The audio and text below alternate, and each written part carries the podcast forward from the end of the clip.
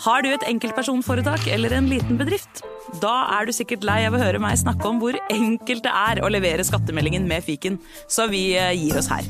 Fordi vi liker enkelt. Fiken superenkelt regnskap. Nyt sommerferien på Prime. I'm here to show you a wonderful place. Had a rough week. Opplev spennende turer. Så kan dette bli veldig farlig. Finn sommerkjærligheten. You're like a Coachella. Hi. Hi. Se på Fallout, Furia eller The Idea of You. Og gjør deg klar for en sommer full av eventyr. Bare på Prime. Krever abonnement på Prime Video. Hei, og takk for at du hører på denne podkasten. Bøddel er en eh, miniserie som tidligere har blitt publisert i Untold, men ut mai vil du få tilgang til denne samt en rekke andre miniserier og ukentlige episoder av Moderne Media sine podkaster. Du finner Bøddel og andre podkaster som Henrettelsespodden helt reklamefritt i Untold. Som en liten smakebit så får du hver uke i mai en ny episode av disse podkastene, som vanligvis kun er tilgjengelig for Untold-abonnenter. Hvis du liker det du hører, så bør du laste ned Untold, eller gå til untold.app for å starte ditt abonnement i dag. Advarsel. I denne podkasten vil du høre historier basert på informasjon programlederne har funnet selv. Programlederne står ikke nødvendigvis inne for meninger og syn som fremstilles. Noen påstander kan avvike fra virkeligheten.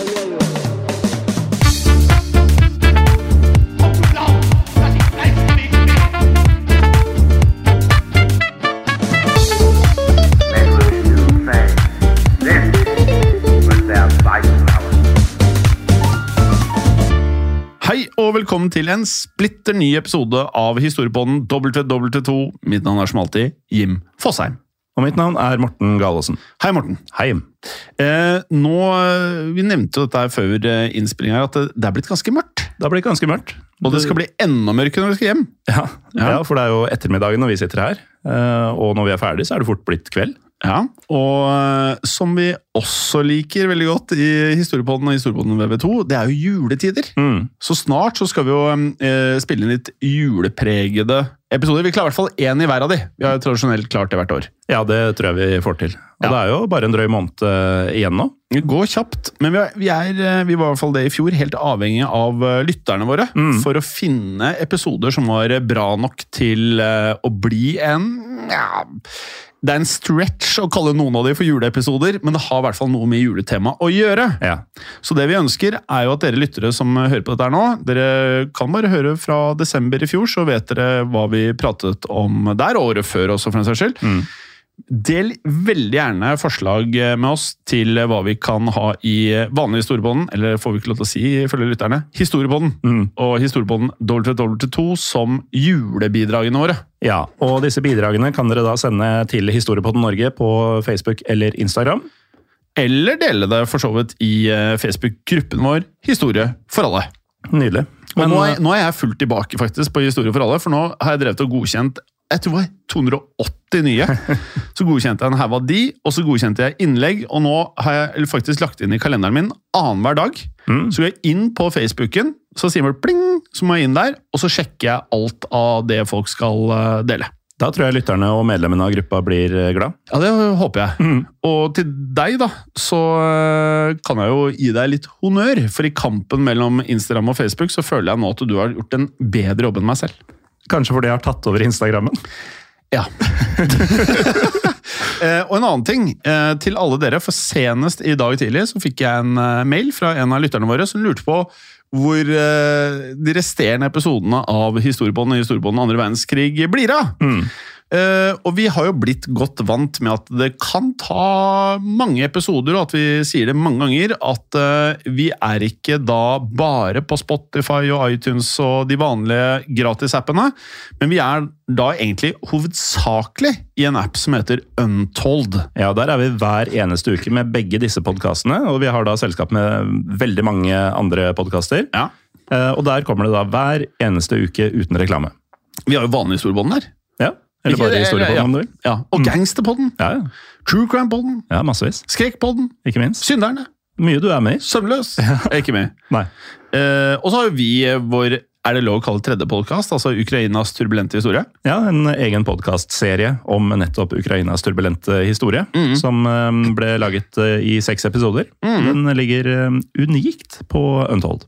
Og vi trodde jo at det skulle være ganske heftig, men det var mye heftigere enn det vi trodde. Mye mer turbulent enn antatt. Ja. Og hvis dere da lurer, så koster jo da Untold 69 kroner i måneden. Du kan enten betale på Apple, eller på eh, det, det du bruker, Morten. Ja, Google Play. Google Play, altså AppStore, Google eh, eh, Play AppStore. Ja. Google du- Google Play, eller bare Google Play Store. Ja. Ellers kan du bare skrive i nettleseren din untold.app, så kan du kjøpe det der også. Så Ja. trenger du ikke mobiltelefon heller. Eller jo, det trenger du faktisk. Men eh, ja, så da får du alle disse episodene helt uten reklame også. Ja. Så det er jo egentlig bare å kjøre på. Julegave til deg sjøl. ja, det er ikke så mye å tenke på. Jo, og så er det veldig mye, for det, det, det, det gjorde jeg. Jeg kjøpte et år, Ja. og så tvang jeg deg til å kjøpe et år også. Det. Og det er veldig mye billigere. For jeg husker ikke hvor mange måneder gratis man får. Men de første 30 dagene er uansett gratis uansett. Så teste, da vel! Teste, ja. Teste. Bra. I dagens episode, og dette her, dette blir spennende. For um, i dag så skal vi prate om en festning som, og det her, det her pirrer den kuriøse siden min. Alt som er uinntakelig, det liker jeg godt. Ja. Og her er det da altså en festning som ble ansett som uinntakelig. Ikke minst ettersom den i eh, sin tid var blant Europas største og aller sterkeste festninger. Og festninga det er eh, snakk om, er da det belgiske fortet Eben Emal. Ja, Som eh, virkelig ble satt på prøve da nazistene invaderte Belgia i 1940. Men før vi kommer til den delen av historien, så liker vi jo vanligvis, Morten, å eh, sette en liten eh, kontekst til det hele. Ja, for eh, dersom man skal forstå hvorfor Belgia i det hele tatt eh, bygde Eben Emal, så må vi først innom første verdenskrig. For da første verdenskrig brøt ut i 1914, så havna nemlig Tyskland i krig mot Frankrike og Russland. Ja, og Derfor så ønsket tyskerne umiddelbart å angripe Frankrike. Og Planen var å slå franskmennene ut av krigen så raskt som overhodet mulig. Og Dermed kunne Tyskland da unngå en lengre tofrontskrig. Og vi vet jo, ingen vil egentlig ha en tofrontskrig, i det minste hvis du ønsker å vinne en krig. da. Eh, Så de ønsket ikke å kjempe mot Frankrike i vest og Russland i øst. Og som en del av planen for å angripe Frankrike, så bestemte tyskerne seg for å marsjere gjennom det nøytrale Belgia. Og derfra skulle tyskerne ta seg videre inn i Frankrike. Men dette gikk ikke helt som han hadde håpa, for da Tyskland okkuperte store deler av Belgia, så grep Storbritannia inn for å forsvare landet. Og dermed så havnet tyskerne i krig med både Storbritannia og Frankrike. Og for å gjøre det hele enda verre, så mislyktes da angrepet på Frankrike. Så angrepet ble nemlig eh, stoppet det, utenfor den franske hovedstaden Paris. Og takket være dette så raste verdenskrigen videre, helt frem til 1918. Ja, og da måtte jo tyskerne omsider gi seg. Men gjennom store deler av denne perioden så var Belgia under tysk okkupasjon, og dette var en okkupasjon som gikk hardt utover den belgiske sivilbefolkninga. Som blant annet ble fratatt ressurser og forsyninger som i stedet gikk til den tyske krigsinnsatsen. Og I tillegg så ble tusenvis av belgiske sivile utsatt for systematisk overgrep, slik at mellom 1914 og 1918 skal derfor opp mot 25 000 belgiske sivile rett og slett ha mistet livet. Samtidig som 33 000 ble skada, og det totale antallet ofre er dermed over dobbelt så stort som innbyggertallet i f.eks. Harstad. Ja, Så en eh, hel norsk by som ikke er liten. Ikke liten. Nei. Ehm, den tyske okkupasjonen av Belgia under første verdenskrig har derfor også blitt husket som The Rape of Belgium, og det sier ganske mye. Mm.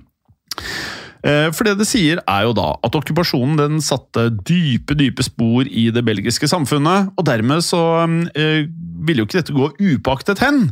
Så belgierne de bestemte seg for at noe måtte gjøres for å forhindre en eh, mulig gjentagelse av dette her. Ja, for i mellomkrigstida så var det mange som så for seg at det kunne bryte ut en ny europeisk storkrig. Og dersom Tyskland og Frankrike igjen havna i krig med hverandre, så frykta jo belgerne at landet deres ville bli angrepet akkurat som under første verdenskrig. Ja, Og belgierne, det, det er bare å høre mye på denne podkasten her, så vet du at de er ikke de eneste som bygde festninger eller forsvarslinjer. Nei. Bare se på Frankrike og Maginot-linjen. Maginot. Maginot. Eh, Og dermed begynte Belgia å styrke forsvarsverkene sine langs den tyske-belgiske grensen. Og her fantes det en rekke fort som hadde blitt inntatt av tyskerne i 1914. Og for å da bedre kunne stå imot et eh, nytt potensielt tysk angrep, så bestemte belgierne seg for, for å forbedre disse fortene med en, ja, datidens ny teknologi. Samtidig som det ble bygga nye forsvarsverker i områdene rundt eh, fortene.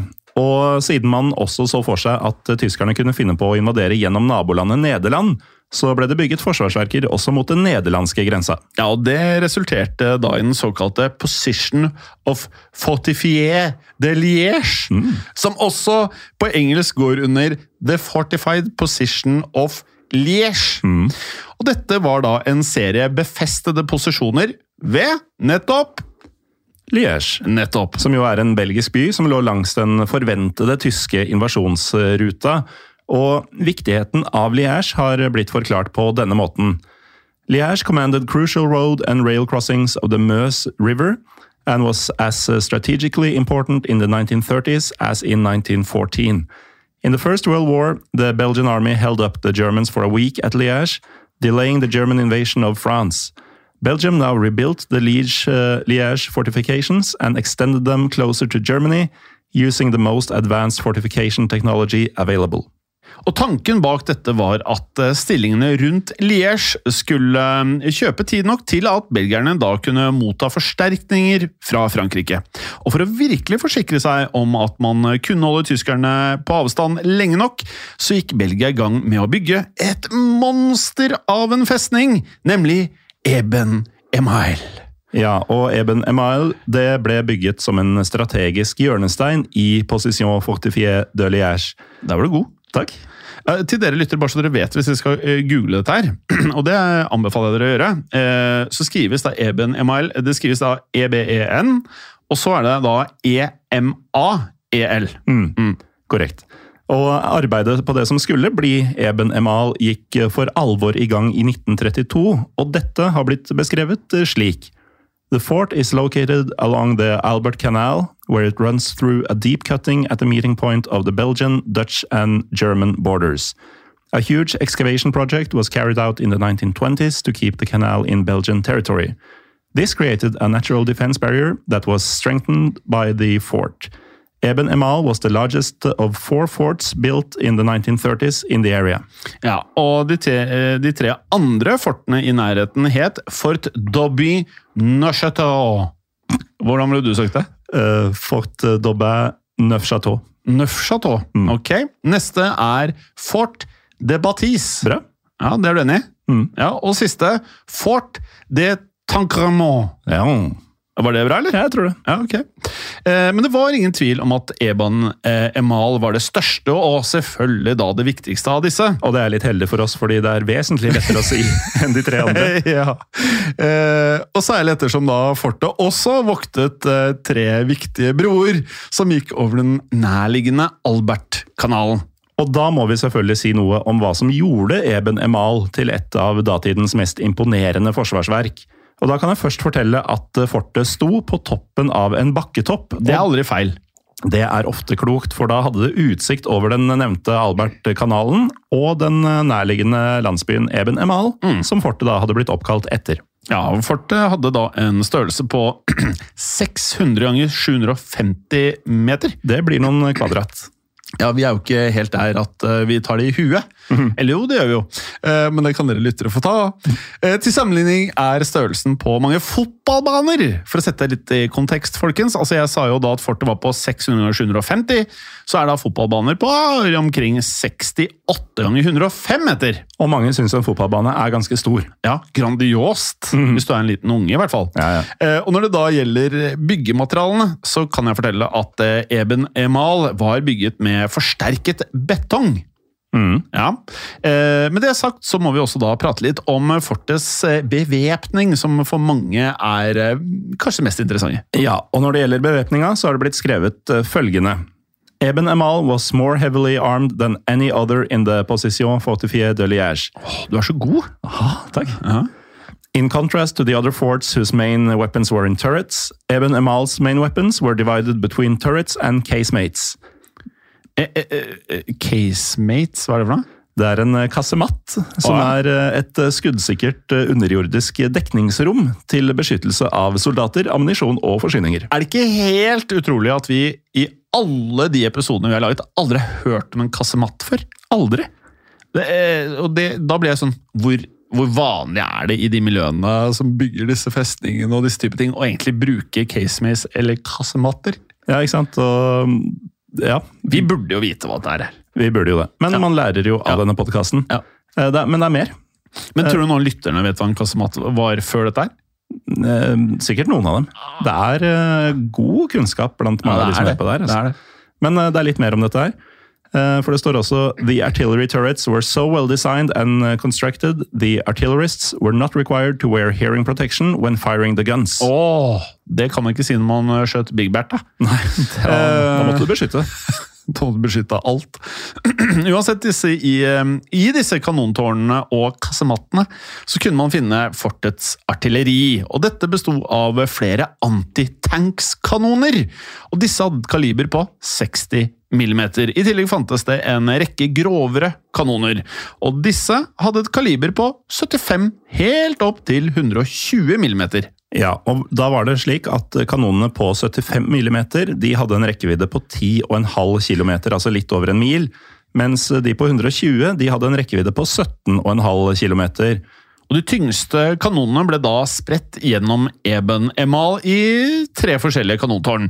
Disse fikk navnene Cupola 120, Cupola Nord og Cupola Sud.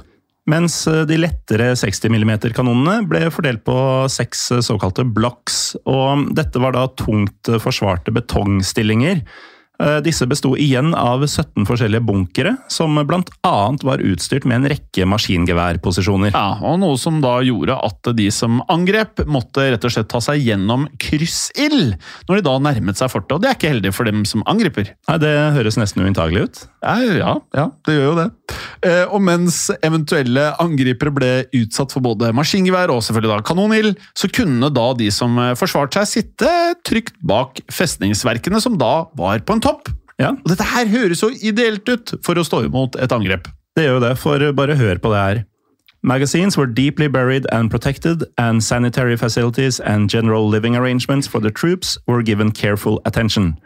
Underground galleries extended over four kilometers beneath the hill, connecting the combat blocks and serving the underground barracks, power plant, ammunition magazines, and other spaces.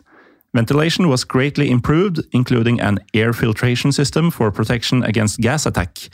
Fresh air was obtained from intake vents over the canal. Gas attack, ja. Mm. Uh, De har tenkt på alt. Ja, de har, altså dette her eh, dette er imponerende. Mm.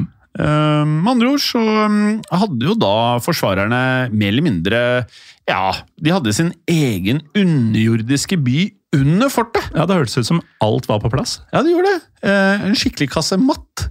eh, som en følge da av den enorme størrelsen og de omfattende forsvarsrekkene, så ble Eben Emal anerkjent som en av Europas aller, aller sterkeste festninger.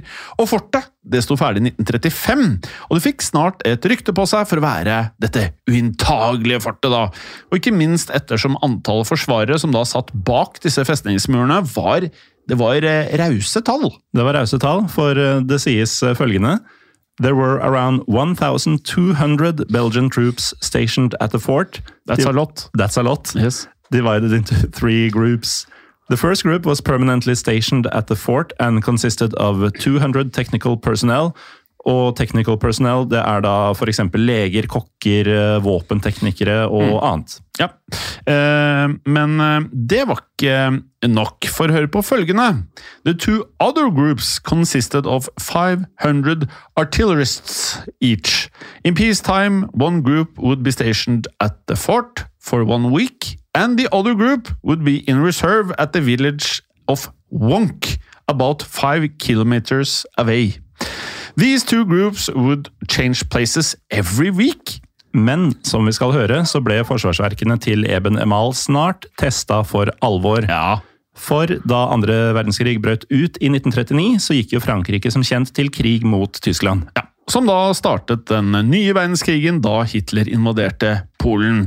Så da våren 1940 kom, da, så invaderte Hitler og resten av nazistene også Danmark og Norge, og i mai 1940 planla de å invadere France. Som da en del av invasjonsplanen så gikk tyskerne også til angrep nettopp på Nederland, og også Belgia. Men i forkant av dette så hadde de lagt en plan for hvordan de da skulle ta knekken på selveste Eben Emael.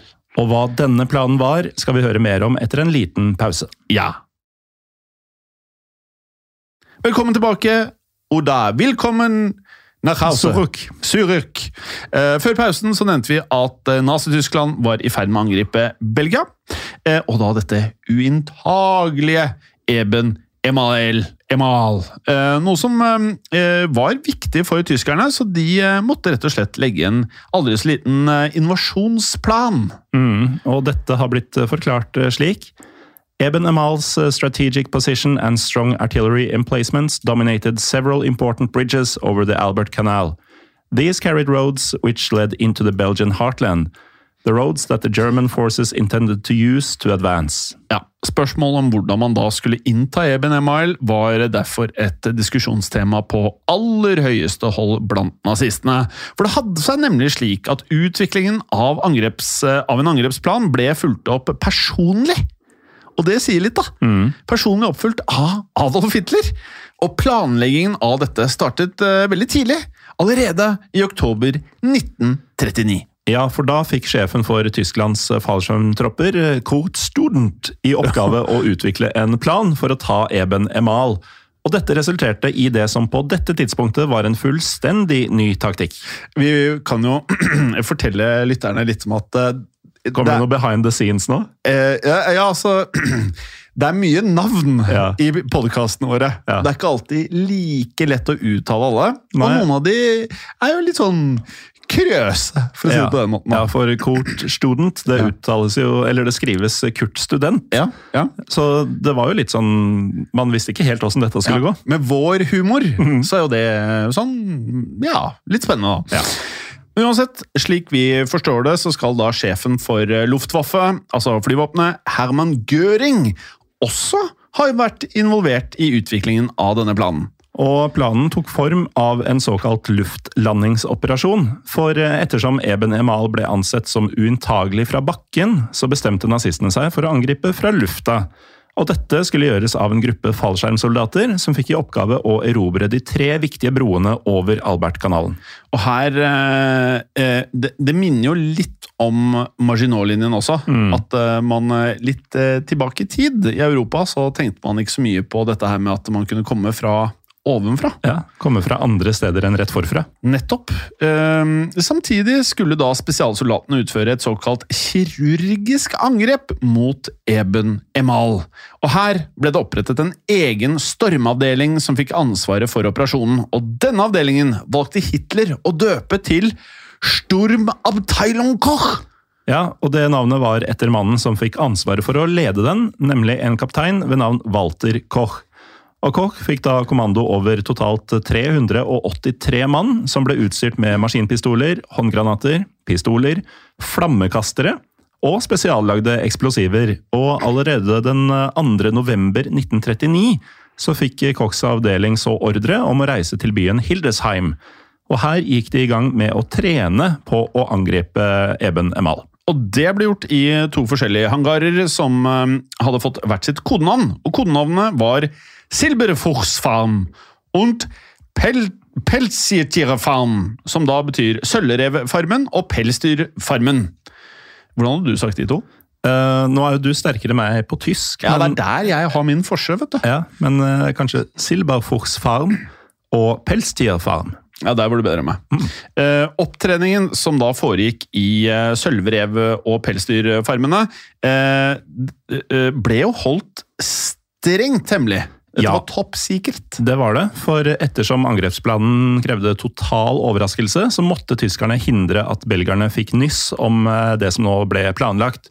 Og Derfor fikk ingen av de tyske soldatene som deltok i opptreninga, lov til å forlate leiren sin, som da innebar eh, både julaften og nyttårsaften 1939. Så det kunne vært juleepisoden vår. Det kunne det nesten ha vært. Til dere lyttere, vi trenger ikke mer knagg enn det. Nei. Egentlig. Litt, kanskje litt mer, da. Kanskje litt mer. Ehm, på toppen av dette så hadde alle deltakerne i oppdraget fått eh, taushetsplikt, og eventuelle brudd på dette ville resultere i intet mindre enn dødsstraff. Det er eh, strengt. Ja, Det er eh, strengt for båten. Ja, det er det. Og derfor hadde disse spesialsoldatene skrevet under på følgende erklæring.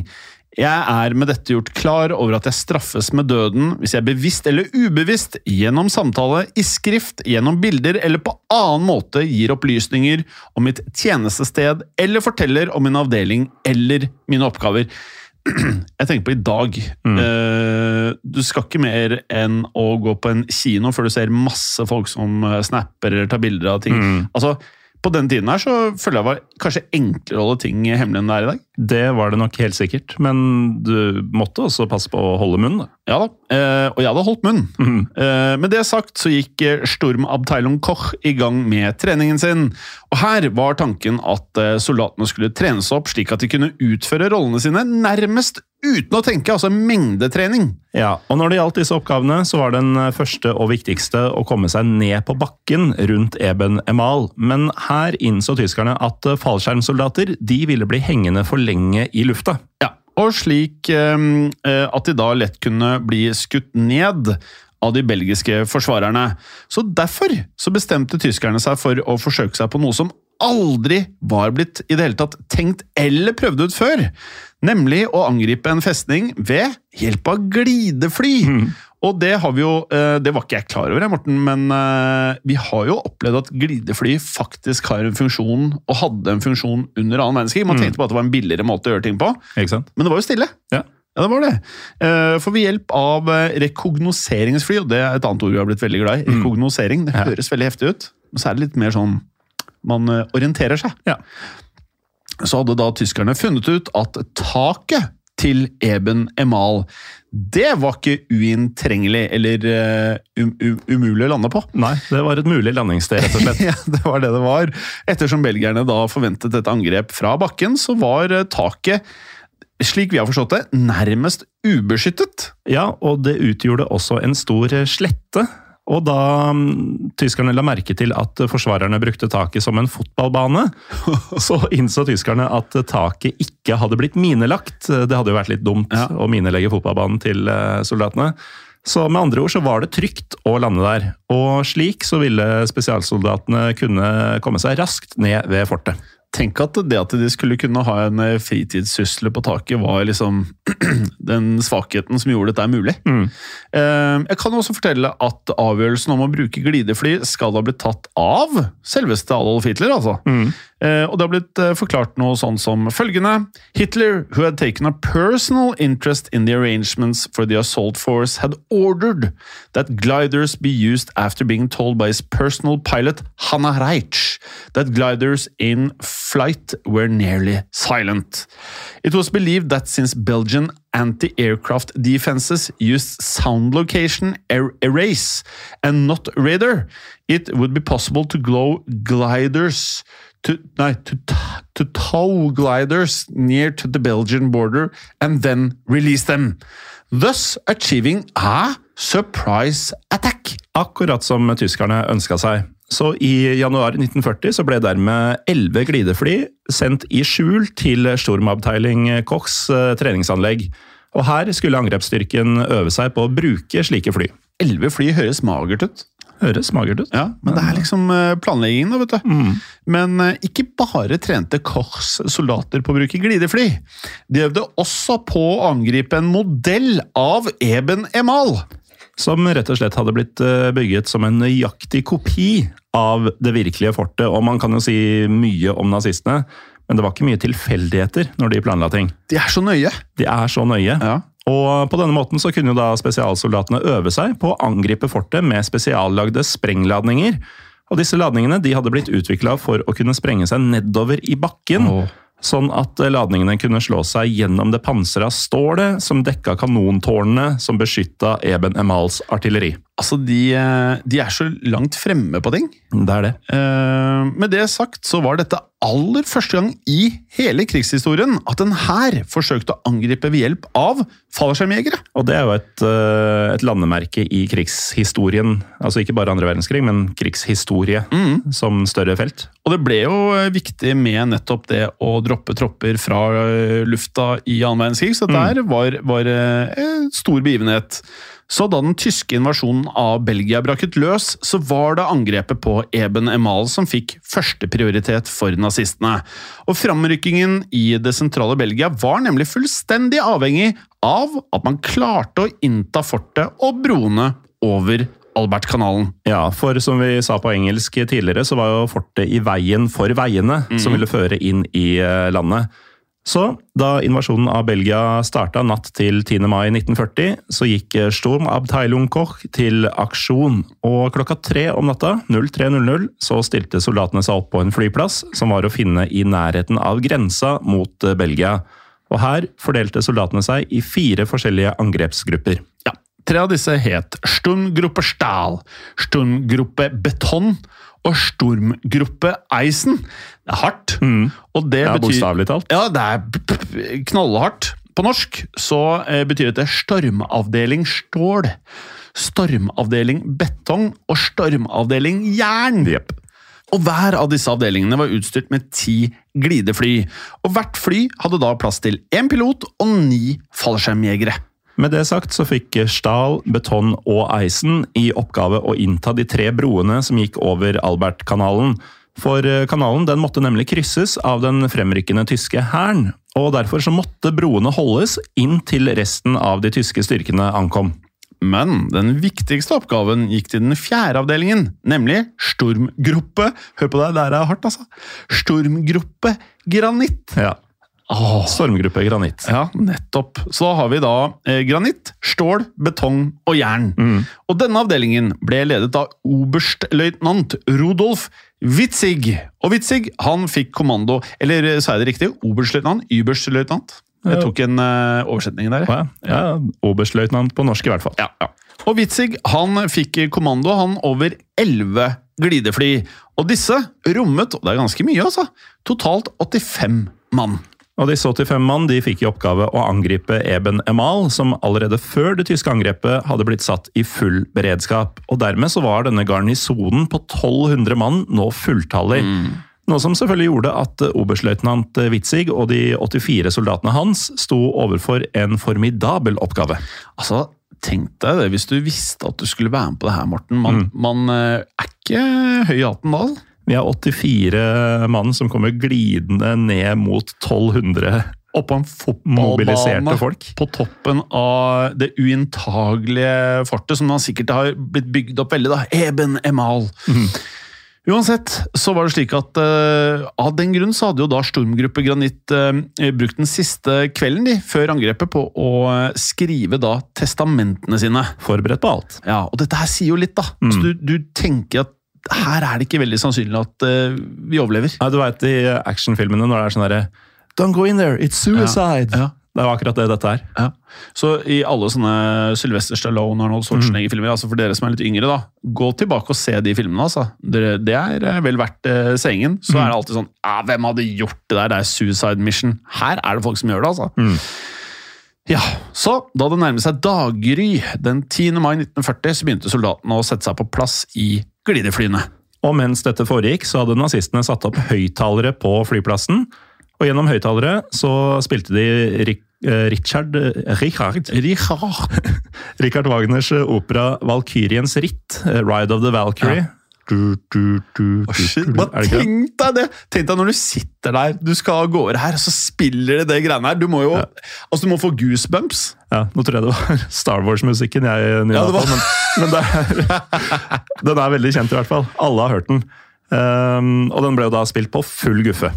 Jeg tror du var mer på Star Wars der, Morten. Jeg tror det er mer sånn du, du, du, du, du, du, du, du, du, du, lu. Jeg merka det akkurat ja. for seint, men du har helt rett. Ja.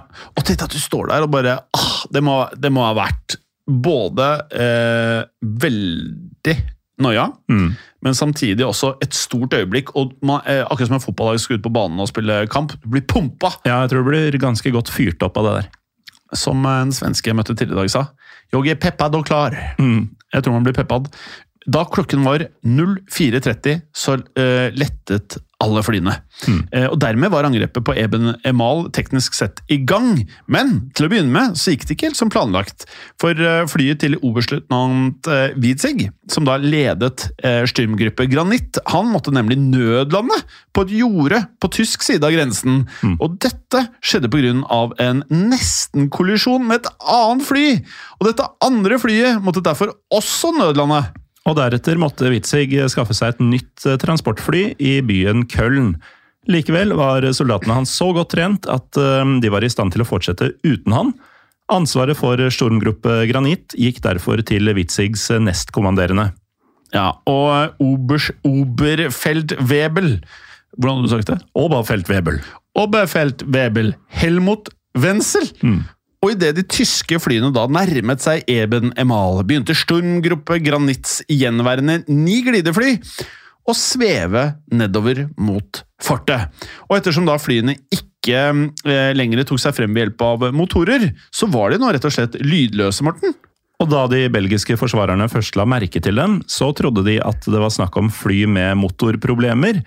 Men da man innså at dette var fiendtlige fly, så begynte belgerne å sporadisk skyte etter disse glideflyene. Ja, Uten at noen av flyene ble alvorlig skadet. da. Så ved hjelp av eh, bremseskjermer så landet da glideflyene deretter på taket til Eben Emal. Og så fort de da hadde stanset, så kastet stormgruppe Granitt seg ut i. Eh, Men slik vi forstår det, Morten, så var det kun 55 av de opprinnelige 85 fallskjermjegerne som hadde ankommet her. Ja, men likevel så gikk disse 55 tyskerne umiddelbart til verks mot eh, Eben Emals 1200 forsvarere. Ja. Og noe av det første tyskerne gjorde, var å kaste røykgranater ned i en rekke utkikkshull. På denne måten så ble jo sikten selvfølgelig sperra for forsvarerne, som dermed ikke klarte å få oversikt over det som foregikk. Det høres så sykt ut som et TV-spill. Eh, og i løpet av eh, da den vanvittige forvirringen som da oppsto her, da, så brukte de tyske spesialsoldatene tiden sin godt. De begynte nemlig å plassere ladninger av eh, sprengstoff på fortets forskjellige kanontårn, og også maskingeværbunkere. Og hvis dere har sett Ørneredet, så er jo det litt det samme. De går rundt og plasserer disse bombene rundt omkring mm. i, i, eh, på forskjellige strategiske steder på Ørneredet. Det er jo litt av det samme. Det er jo litt av det samme. Og på de såkalte kasemattene, som vi tidligere nevnte, eh, dette var jo eh, underjordiske dekningsrom, der forsvarerne kunne oppholde seg med artilleri og forsyninger. Men eh, vi forstår det slik da at eh, eh, de tyske sprengladningene var eh, De de må ha vært vanvittig effektive. Ja, for dette var jo, som vi også nevnte tidligere, spesialdesigna for denne operasjonen. Ja, Nettopp for å sprenge nedover. Eh, For i løpet av kun et kvarter så hadde flere av disse kassemattene blitt eh, sprengt. Og i tillegg så hadde da flere maskingeværstillinger blitt ødelagt, sammen med syv mindre kanontårn. Og da disse forsvarsverkene ble sprengt åpne, så gikk tyskerne raskt til aksjon med håndgranater og flammekastere. Idet angriperne gikk løs på de sjokkerte forsvarerne, så fikk de også støtte av eh, Luftwaffe. Og støtten kom i form av disse Stuka, altså stupbombefly, som var høyteknologiske på denne tiden. Og de gikk jo da naturligvis til angrep eh, på fortet ovenifra. Og mens eh, Stukaene da angrep, så lagde de tyske fallskjermjegersoldatene på bakken eh, problemer for belgierne. Ja, for bare høre på det her. Any exterior entrances and exits located by the German troops were destroyed with explosives to seal the defenders inside the fort, giving the defenders few opportunities to attempt a counterattack. The airborne troops also achieved their objective of destroying or disabling the artillery pieces that the fort could have used to bombard the bridges over the Albert Canal. Denne planleggingen som faktisk ser ut til å funke, det er jo ganske, sånn, det er jo ganske vilt at de får det til. Eh, Det er nybrottskrigføring, holdt jeg på å si. Ja, for da vi prata om dette Eben Emal tidligere, hvordan det var satt opp og sånn, så virka det som om de har tenkt på alt. Ja. Og så viser det seg at nei, nei, vi som kommer utenfra skal ta dere. Vi har tenkt på alt. Ja. Eh, og alt det vi da nevner her, det satte jo da det, forsvarerne nærmest helt ut av spill. Og i minuttene som hadde gått siden angrepet startet, så hadde belgierne knapt rukket å oppfatte situasjonen engang. Eh, for man må huske på, Vi nevnte jo mye skjedde på et kvarter, bare. Mm. for da forsvar, forsvarsverkene deres da ble rammet av eksplosjon på eksplosjon på eksplosjon, så skjønner man jo at det må ha vært et vanvittig kaos som oppsto her. Eh, og det betød at belgierne ikke klarte å organisere seg på en effektiv måte. Og dette ble særlig forverret ved da at de belgiske soldatene ikke var trent. Faktisk det motsatte av tyskerne. De var jo ikke trent til å møte en slik form for situasjon. Nei, det var det virkelig ikke, for eh, her har vi også et lite utdrag. Except for some of the officers, most of the men were conscripts. The majority of these were reservists who were called up after the German invasion of Poland in 1939. Infantry training was poor, since the men were considered to be purely artillerists. Ja, og hvis du lurer på hva en conscript er, så er det det samme som eh, noen som akkurat har på på engelsk drafta inn i militæret. da. Ja, nye rekrutter omtrent. ja. ja. og i møte da med angrepet fra altså Når stormgruppe Granitt kommer, da bør det ikke være voldt våt bak øret, altså. Nei. Eh, og Derfor så skal flere av de belgiske soldatene ha gått inn i en fullstendig sjokktilstand. Det tror jeg kanskje jeg hadde gjort ganske kjapt. Ganske kjapt. Og denne sjokktilstanden inkluderte fortets kommandant, eh, major Jean-Fritz Lucien Jotrand, som mista fullstendig kontroll over situasjonen. Ja, Jotrin han eh, satt da ved en kommandopost, eh, slik vi har fått beskrevet her, som var å finne dypt under eh, bakken, og herfra kunne han høre eksplosjoner dundre gjennom fortet. Men idet da kommunikasjonen mellom Jotrin og soldatene hans brøt sammen, så tok han eh, kontakt med den belgiske hærens generalstab. Så Jotrin han ba da generalstaben om å gi han ordre om eh, eh, enten å overgi seg Eller å fortsette kampen, og da mottok Jotrand følgende svar. Nå ante du, du kommandant du fått lui-même, qu'il sotom mesure de prétendre une telle! Ja. Eh, Vi prøver på norsk også, vi, tror jeg. Ja, det er best. Vi forventer at fortets kommandant eh, er i stand til å ta en slik avgjørelse selv. Og I møte med denne beskjeden så ga ikke Chotrand noen ordre om overgivelse, men han klarte heller ikke å organisere en effektiv motstand. Og Derfor så varte slaget om Eben Emal i praksis kun noen få minutter, Morten.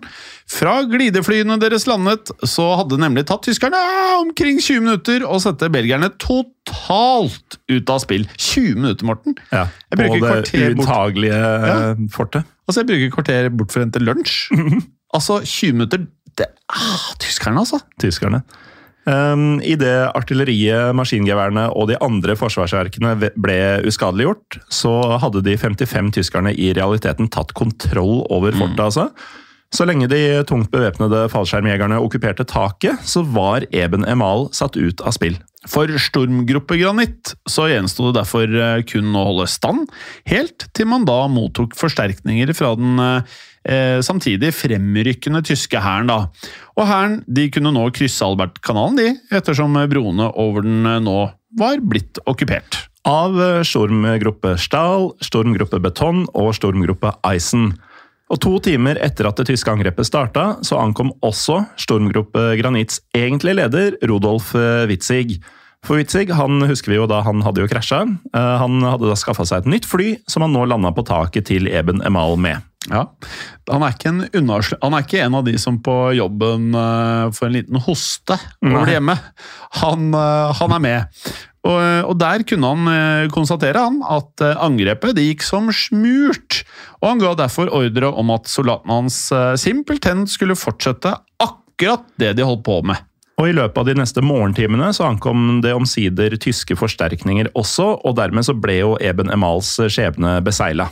Ja, For da et eh, fremrykkende tysk infanteriregiment, eller var det regiment? Regiment. regiment ankom, så kunne da fallskjermsoldatene ved de tre broene slippe flere tyskere over Albertkanalen. Og siden fortets kanoner var satt ut av spill, så gikk jo dette omtrent knirkefritt. Og idet flere tyske hæravdelinger strømma inn i området, så ble festninga derfor omringa fullstendig. Og da innså kommandanten, altså major Jotran, at håpet var ute. Han Sjotran var ikke av samme kaliber som eh, Witzig, altså. Nei, han hadde ikke noen god dag på jobben. Nei. Eh, Og Derfor så valgte Sjotran å akseptere et tysk tilbud om kapitulasjon. Og Da dette ble klart, så marsjerte mer enn 1000 belgiske soldater ut av Eben Emal for å overgi seg. Vi må huske på Det startet med 55 mot 1200 mann! Ja. Og 1000 eh, overgir seg jo da. Likevel så hadde ikke tapstallene blitt eh, omfattende, for eh, i løpet av dette slaget så hadde kun 24 belgiske soldater blitt eh, drept. Mens eh, omkring 60 var blitt eh, såret.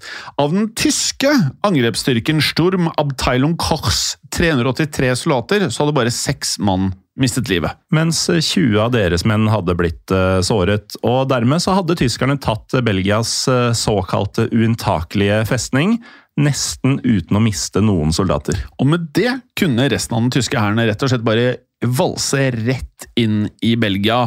Noe som da fikk store konsekvenser, selvfølgelig. Dette muliggjorde nemlig eh, resten av den tyske planen om å angripe de allierte i Frankrike. Så dette var Er du ikke enig i at eh, det er så mye vi ikke har hørt om, som eh, egentlig utgjorde enorme ting under krigen? Ja, altså Gudene veit om tyskerne hadde klart å ta Frankrike, om de ikke hadde kommet gjennom her.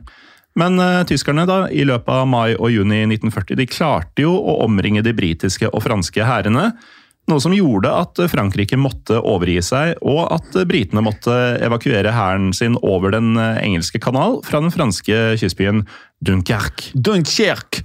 Men dersom Eben Emal hadde levd opp til ryktet sitt som uinntagelig, så hadde historien kanskje sett helt annerledes ut. Ja, altså Dette er jo en massiv hendelse i eh, historien om andre verdenskrig. Men massiv. massiv. Men i stedet så var det jo da en eh, storfornøyd Hitler som snart kunne besøke den franske hovedstaden Paris. Men eh, før dette skjedde, så uttrykte han sin glede over hvordan Eben Emal hadde blitt tatt. Ja, og før vi avslutter da, Morten, så um, kan vi jo nevne at Sturm Abteilung Kochs offiserer de eh, mottok jo, som man kunne forventet, en rekke utmerkelser. For i løpet av uh, uken etter angrepet på Eben Emal så ble ni av disse offiserene overrakt Nazi-Tysklands aller høyeste militære utmerkelse. Dere lyttere vet sikkert hva det er. Det dreide seg da om den såkalte Ritterkreuz des Eisernen Kreuzet! Altså jernkorsets ridderkors. Som rett og slett ble utdelt personlig av Adolf Hitler. Altså, han var så glad her. Han var det. Det er det gladeste vi har hørt han. Ja, så glad var han vel nesten aldri. Og I tillegg så ble Rudolf Witzig, som var lederen for stormgruppe Granit, eh, forfremmet til en stilling som kaptein. Ja, og på toppen av dette så vanket det 14 dagers eh, perm på fallskjermjegerne som da hadde inntatt Eben Emal. Ja, og han Rudolf Witzig, som eh, måtte nødlande og kom litt seinere til, han eh, overlevde faktisk hele krigen. Og i 1956 så gikk han derfor inn i tjeneste i Vest-Tysklands nyopprettede hærstyrker, Bundeswehr. Altså, Vi har jo hørt om det i kanskje andre historiepodden. den. Det er noen krigslystne herrer opp gjennom historien, altså. Og der eh, endte han opp som oberst, før han omsider pensjonerte seg i 74.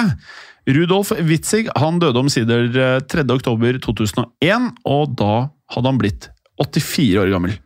Og det er eh, slutten på dagens episode, Jim. For en episode! Ja, dette var eh, voldsomt. Og igjen, da. Vi, eh, det er jo nesten Altså, det er ikke meningen at vi skal skryte av oss selv, men vi snakker mye om at vi har om ting som man ikke nødvendigvis lærer på skolen. Og nå har vi jo nevnt et par ganger allerede at det her var en så skjellsettende og viktig del av krigen at alt kunne faktisk sett annerledes ut om Ja. ikke dette hadde skjedd. Og det er så mange av disse her. Eh, og igjen, eh, kjære, kjære lyttere, vi får så mye bra anbefalinger av dere. Vær så snill og fortsett med det. Vi er helt avhengig av det. Eh, og det aller meste vi produserer om dagen, føles å være fra innsendte eh, forslag.